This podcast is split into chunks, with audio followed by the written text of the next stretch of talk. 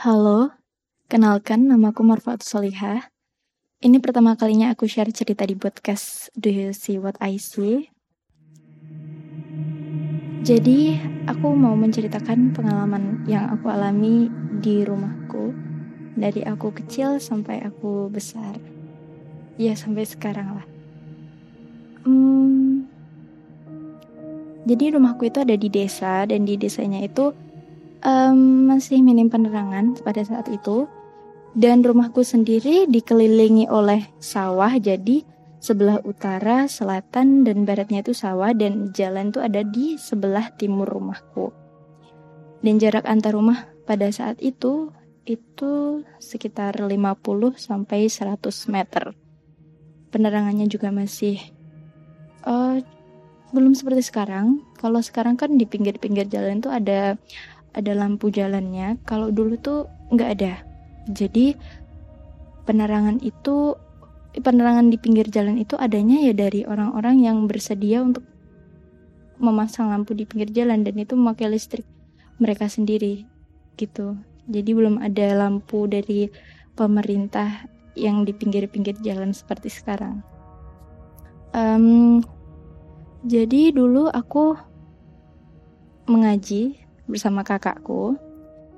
Seperti TPA seperti itu. Um, berangkatnya tuh sekitar bakdo asar setelah asar dan pulangnya itu setelah isya. Dan waktu itu aku sama kakakku pulang pergi ngaji itu jalan kaki. Dan cuma berdua memang karena teman-teman kami rumahnya jauh dari rumah kami jadi dari musola ke rumah itu kami berjalan cuma berdua dan waktu itu kami pulang setelah Isya. Keadaannya gelap karena memang penerangannya masih belum seperti sekarang dan kami harus melewati sawah-sawah sepanjang sekitar 100 meter untuk mencapai rumah kami dan di sana sekitar jarak 50 meter dari rumah saya itu saya melihat um, seperti tombak, tombak tapi dia um, banyak cabangnya. Jadi kalau tombak biasanya kita lihat seperti tombaknya Zeus, eh kok Zeus sih? Seperti tombaknya Poseidon mungkin. Uh, tapi itu cabangnya itu ada banyak sekali. Dan di setiap ujung cabangnya itu dia kayak runcing gitu. Jadi kayak lancip dan warnanya itu merah menyala kayak bara api. Merah banget nyala banget dan waktu itu uh, aku tanya ke kakakku mbak itu apa? Terus kakakku bilang apa? Kakakku nggak ngelihat apa yang aku lihat. Terus itu loh yang ada di sawah merah-merah. Terus kakakku apa sih? Udah jangan dilihat lagi udah ayo buruan kita jalan ke rumah gitu. Mempercepat jalan kami gitu. Jadi sudah itu. Kemudian selanjutnya pada suatu hari saya pernah marahan sama kakak dan ibu saya karena saat itu ayah saya sudah meninggal. Um, saya masih eh, di SD saat itu mungkin kelas 4 SD um, waktu itu saya marahan sama kakak saya dan ibu saya kemudian saya lari ke kamar. Lari ke kamar saya um, rebahan di kamar sambil meluk guling ngadep ke tembok. Sambil kayak nangis gitu. Tapi saat itu saat saya uh, nangis-nangis gitu saya itu merasa ada yang mencium pipi saya. Jadi kayak ngecup pipi gitu kerasa banget gitu. Terus saya saya pikir itu ibu saya atau kakak saya kak, e, merasa bersalah karena udah memarahi saya atau gimana. Waktu saya buka mata dan ngeliat sekeliling itu nggak ada siapa-siapa. Terus saya langsung e, turun dari kasur terus cari kakak saya sama ibu saya. Ternyata e, kakak dan ibu saya itu masih nonton TV belum beranjak ke mana-mana karena memang jarak dari saya lari ke kamar bahan dan dicium itu emang jarak dia itu nggak nggak nggak lama lah nggak selang lama. Dan itu setelah saya ngerasa kayak dicium itu saya langsung melek. Dan nggak ada siapa-siapa dan nggak ada suara kaki juga. Jadi ya saya nggak tahu itu siapa. Dan memang dari kecil itu saya sering sekali setiap mau tidur tuh ada yang ngebisikin. Tapi saya nggak tahu itu bahasanya apa. Cuman yang jelas itu suaranya laki-laki dan dia tuh kayak berbisik gitu. Dan suaranya tuh kayak gini. Gitu. Jadi saya tuh nggak tahu itu bahasa apa. Bahasa Inggris juga bukan. Bahasa Spanyol juga bukan. Bahasa aneh pokoknya. Dan itu sering sekali uh, saya alami ketika saya mau tidur terus pada suatu hari juga pada suatu hari um, waktu itu saya juga masih SD saya kan suka um, bangun mungkin jam 6, jam setengah 7 gitu ya. Kan saya masih suka bangkong itu waktu itu masih SD. Um, kakak saya sudah bangun. Saya tidur bersama ibu dan kakak saya, tapi saat itu kakak saya sudah bangun, ibu saya sudah bangun. Mereka sudah beraktivitas, jadi saya di kamar itu sendirian. Waktu saya bangun, saya buka mata. Um, itu kan posisi pintu kamar saya itu uh, dibuka ya, nggak nggak ditutup. Waktu saya buka mata, saya ngelihat ada wanita yang berdiri di tengah-tengah pintu dari ujung kaki sampai ujung kepala itu warnanya hitam semua, hitam benar-benar hitam dan itu nggak transparan sama sekali, benar-benar kayak solid gitu war, uh, warnanya. Jadi dia itu kayak posisinya itu berdirinya menyamping gitu, jadi di situ ada kelihatan kayak bentuk hidungnya, bentuk tangannya itu kayak orang megang baki pas kayak pas kibraka gitu loh yang yang pegang baki kayak gitu. Jadi tangannya itu pos posisinya seperti itu. Dan saya cuma liatin aja. Saya nggak tahu itu apa. Jadi cuma saya liatin, saya liatin, tiba-tiba dia hilang sendiri. Terus setelah dia hilang, saya baru beranjak dari kasur terus kemudian saya ke belakang mau ke kamar mandi. Nah di depan kamar mandi saya itu kan ada pintu buat keluar. Jadi eh, di depan kamar mandi itu dapur buat masak. Terus eh, ada satu pintu di situ untuk keluar untuk keluar keluar rumah. Ada pintu keluar di situ dan di tengah pintu lagi-lagi saya melihat yang seperti itu tadi. Cuman ini bukan kalau saya ngiranya ini laki-laki. Cuman sama gitu se seperti yang tadi. Dari ujung kepala sampai ujung kaki tuh warnanya hitam semua dan solid dan gak transparan gitu. Uh, waktu saya mau masuk kamar mandi kan saya lihat itu. Jadi saya diam dulu ngeliatin terus apa itu apa itu. Dia berdirinya nggak nggak menyamping saya nggak tahu tuh dia ngadep ke saya atau membelakangi saya karena nggak ada matanya nggak ada giginya. Pokoknya itu cuman hitam aja kayak siluet gitu. Dan apa bentuk badannya itu kayak kayak laki-laki kayak laki-laki yang tegap gitu. Dan dadanya kayak bidang gitu. Jadi saya nggak tahu saya liatin itu, saya nggak tahu itu apa. Saya liatin aja sampai itu hilang. Kemudian saya baru masuk kamar mandi buat mandi Terus um, pada suatu hari juga itu saya melihat um, saya suka ngaca di TV yang mati. Jadi TV-nya itu mati, tapi saya ngaca di TV itu kan TV itu kan juga bisa kayak kaca ya, kayak memantulkan um, bayangannya kita ya. Jadi bisa dibuat ngaca lah. Nah waktu itu saya mau nyalain TV, mau nyalain TV itu, tapi sebelum nyalain saya ngaca-ngaca dulu gitu. Dan saya ngelihat waktu itu di pojokan ruang TV saya itu ada saya ngelihatnya dari bayangan di TV itu ya. Dari bayangan di TV itu saya ngeliat di pojokan ruang TV itu ada wanita pokoknya bajunya bajunya putih uh, rambutnya hitam panjang. Tapi wajahnya nggak kelihatan waktu itu. Entah dia nunduk atau dia membelakangi saya saya nggak tahu. Saya lihat bener-bener jelas itu di um, kaca TV itu. Terus abis itu saya noleh kan ke belakang. Tapi wanita itu nggak ada. Terus saya lihat lagi di kaca TV itu udah nggak ada wanitanya itu. Dan ya saya saya nggak tahu sih itu um, siapa itu apa. Saya cuek aja karena ya emang saya tipenya kalau lihat kayak gitu tuh cuek. Tapi takutnya itu setelah lihat itu biasanya karena kayak kebayang-bayang aja gitu.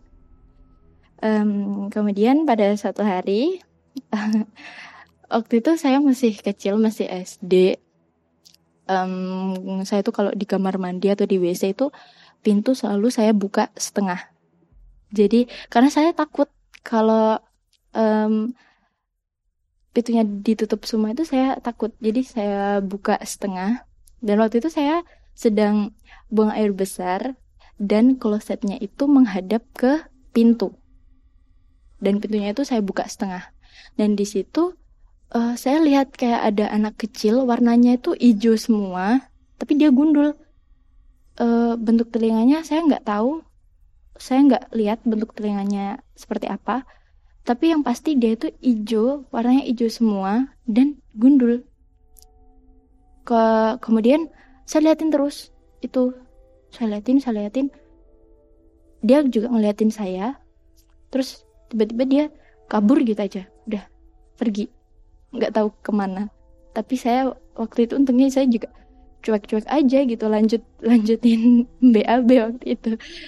Uh, saya cuman nggak mikir itu apa ya siapa ya gitu. Kok warnanya hijau gitu. Itu itu yang ada di pikiran saya waktu itu.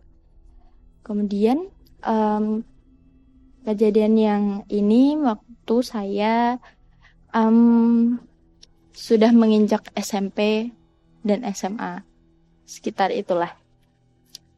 Waktu itu um, saya nggak tahu ya katanya kalau bulan puasa itu kan setan-setan di uh, nggak uh, dikurung ya sama Allah. Tapi saya nggak tahu kenapa waktu bulan puasa itu saya masih melihat penampakan seperti itu. Saya nggak tahu setan apa yang dikurung. Apakah jin itu dikurung juga atau enggak saya nggak tahu. Uh, tapi waktu itu posisinya saat bulan puasa saya jalan-jalan pagi sama ibu saya jadi habis subuh itu saya sama ibu saya jalan-jalan di sawah seperti itu kakak saya masih tidur di rumah nah setelah pulang dari jalan-jalan itu dari jalan pagi saya buka pintu duluan. Jadi ibu saya masih di belakang saya. Saya udah sampai di rumah apa sampai di depan pintu duluan. Saya buka nih pintu, pintu yang masuk ke ruang tamu. Nah, di situ saya lihat ada cewek rambutnya dikonde. Dia duduk di kursi ruang tamu saya membelakangi saya waktu itu. Saya nggak tahu itu apa, tapi saya berhenti, saya diem, diem sejenak ngeliatin cewek itu. Dan waktu itu dia kalau yang ini bentuknya transparan. Jadi ya transparan gitu. Dan tapi saya nggak tahu itu siapa. Karena di rumah saya itu cuman ada tiga orang. Itu saya kakak saya dan ibu saya dan itu nggak pernah ada yang rambutnya dikonde jadi kondenya itu kayak konde-konde mbah-mbah zaman dulu gitu. Dan saya nggak tahu itu siapa dan saya liatin terus dan akhirnya dia hilang sendiri. Baru saya berani masuk ke rumah. Dan juga uh, suatu hari waktu saya mau berangkat ke sekolah, waktu itu saya lagi pakai sepatu, mau berangkat sekolah saya pakai sepatu, saya lihat kayak ada um, item-item transparan, bentuknya bulat tapi gede banget, gede lah. Itu dia tuh tiba tiba-tiba lewat. Dan lewatnya tuh cepet banget. Set gitu. Tapi waktu itu transparan gitu. Terus saya tanya ke ibu saya e, enggak sih saya eh maaf sorry sorry. Saya nggak tanya ke ibu tapi saya manggil ibu. Saya pikir itu ibu saya yang lari. Lari cepet gitu tapi emang nggak mungkin sih ibu saya lari secepat itu. Saya panggil kan bu ibu. Nah ibu saya jawab ternyata iya ada apa? Nah ibu saya itu ternyata ada di dapur, ada di belakang, sedangkan yang tadi lewat itu arahnya itu ke depan. Jadi saya nggak tahu itu siapa. kakak saya juga bukan karena waktu itu kakak saya sudah berangkat lebih dulu daripada saya. Dan saya nggak tahu itu apa? Saya cuman bengong dan oh ya udahlah lanjutin pakai sepatu dan berangkat sekolah. Dan um, satu lagi maaf kalau cerita ini kepanjangan uh, satu cerita lagi. Waktu itu saya SMA saya waktu itu di rumah sendirian karena kakak saya dan ibu saya um, jagain toko yang ada di pasar di kecamatan. Jadi uh, kalau dulu kan tokonya itu ada di rumah. Nah sekarang tokonya ibu saya itu buka toko lagi di pasar di kecamatan. Nah waktu itu kakak dan ibu saya lagi nungguin toko yang ada di pasar kecamatan itu dan saya di rumah sendirian waktu itu saya main game saya masih ingat kalau nggak salah itu gamenya The Sims The Sims 3 waktu itu. Saya main sendirian di kamar. Saya nggak nggak nggak mikirin apa-apa saya nggak ngebayangin apa-apa. Saya cuman seru sama game saya karena saya suka banget game itu. Dan tiba-tiba dari telinga saya sebelah kiri itu kayak ada yang ngebisikin gitu. Tapi ya lagi-lagi kayak pas saya masih kecil dulu saya nggak tahu bahasanya apa. Tapi yang jelas itu suaranya laki-laki suaranya itu berbisik dan nggak tahu itu bahasa apa. Dan itu bener-bener kerasa banget itu suaranya itu deket banget sama telinga saya. Jadi terus saya noleh kan otomatis saya langsung noleh ke kiri. Terus abis itu nggak ada siapa-siapa oke saya cuek saya lanjut lagi main tapi waktu saya lanjut main itu saya ngomong gini siapa sih lo kalau ngomong tuh yang jelas jangan pakai bahasa lu sendiri. Aku nggak aku nggak paham apa bahasamu. Aku bilang gitu.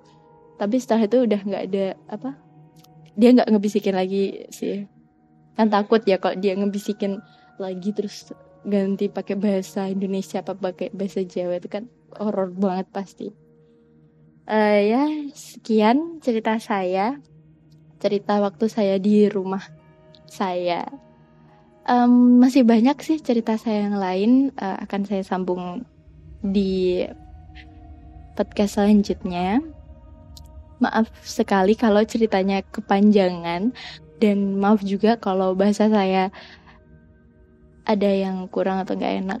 Tapi terima kasih sudah mau mendengarkan dan see you.